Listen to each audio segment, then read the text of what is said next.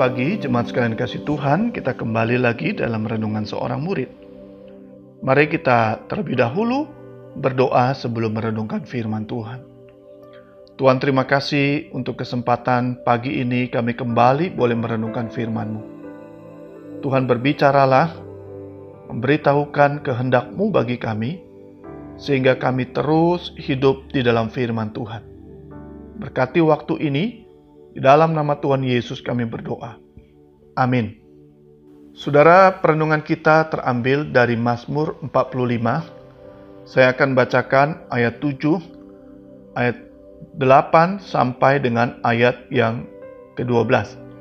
Tatamu kepunyaan Allah tetap untuk seterusnya dan selamanya.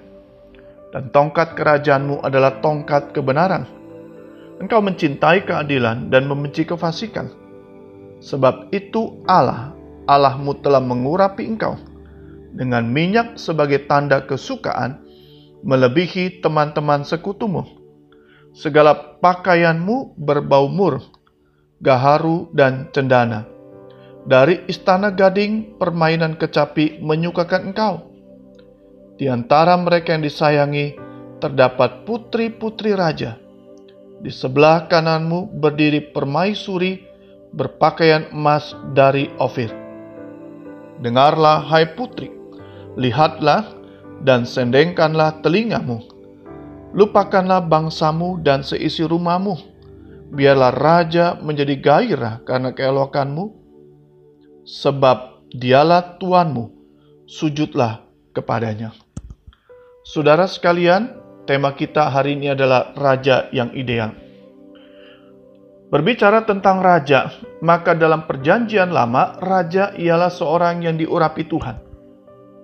Pengurapan ini menunjukkan pilihan, perkenanan, penetapan, dan pernyataan Tuhan atas orang tersebut agar dia dapat memerintah dengan baik. Saudara sekalian, raja yang baik umumnya pasti dicintai rakyatnya Apa pun yang dialami raja dihayati juga oleh rakyatnya. Tidak heran ketika raja melangsungkan perayaan pernikahannya, umat Israel turut bersenandung ria. Isi lagunya tidak saja mengungkapkan hal-hal indah tentang percintaan rajanya, tetapi juga mengungkapkan berbagai kekaguman terhadap sang raja. Mazmur 45 di satu sisi adalah mazmur atau nyanyian yang menyatakan keindahan pernikahan Raja Israel. Pemazmur memuji sang raja sebagai pilihan Allah bagi tata Israel. Allah telah memilihnya sebagai raja untuk menegakkan kebenaran dan keadilan.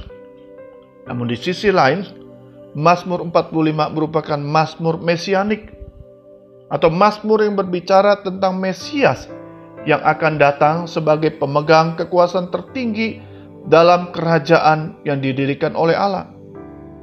Dua dimensi Mazmur ini dapat terjadi karena orang Yahudi memahami kerajaan dinasti Daud adalah sebagai refleksi pemerintahan Allah, di mana Allah sendirilah yang pada akhirnya akan menjadi penguasa tertinggi.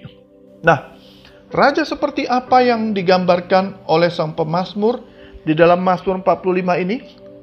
Yang pertama, pemazmur mengatakan bahwa kelak raja yang memerintah kerajaannya akan kekal selamanya. Ayat 7 di sana dikatakan, "Tatahmu kepunyaan Allah tetap untuk seterusnya dan selamanya, dan tongkat kerajaanmu adalah tongkat kebenaran." Penulis kitab Ibrani mengutip Mazmur ini dalam Ibrani 1 ayat 18. Tetapi tentang anak ia berkata, Tahtamu ya Allah tetap untuk seterusnya dan selamanya.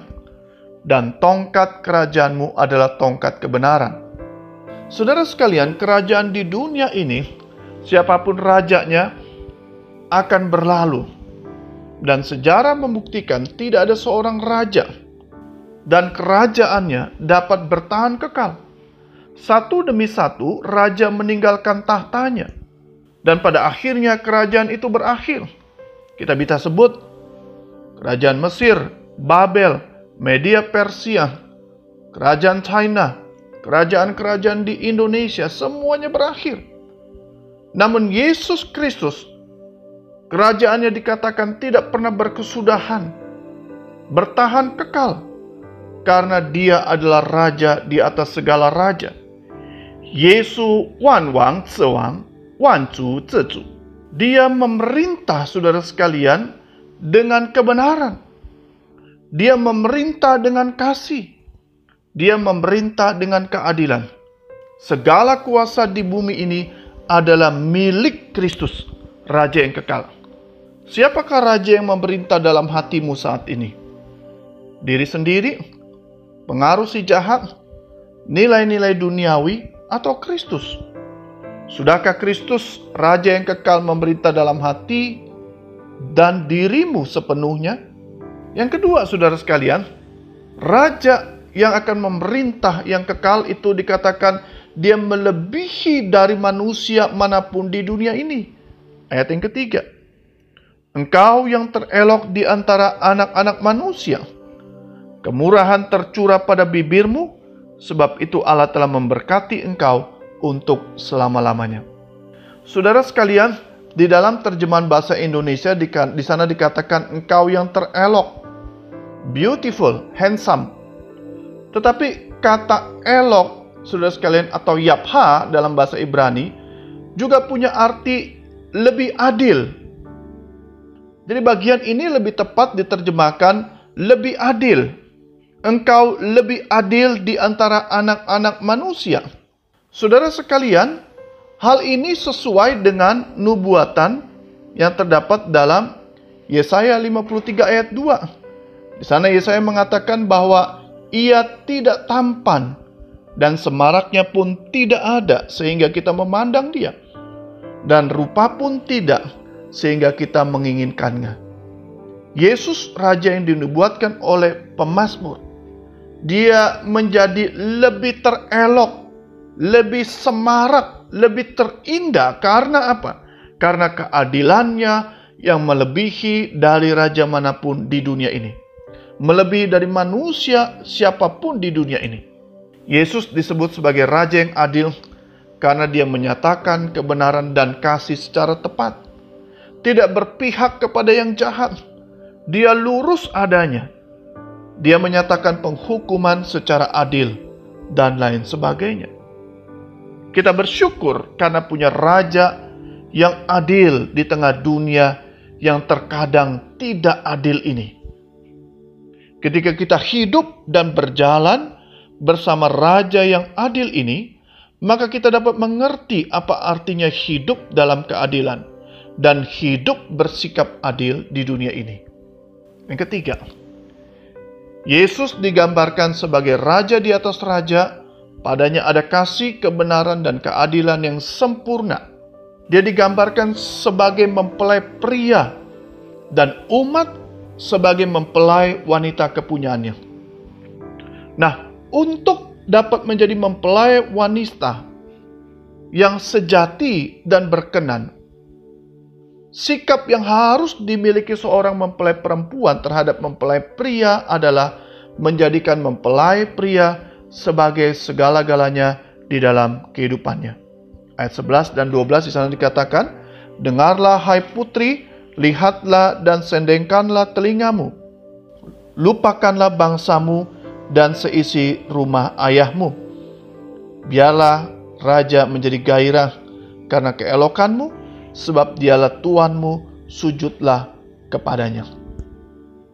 Saudara sekalian, harus ada penyerahan diri yang penuh kepada mempelai pria atau raja umat atau mempelai pemuri perempuan harus memiliki ketertundukan total kepada mempelai pria.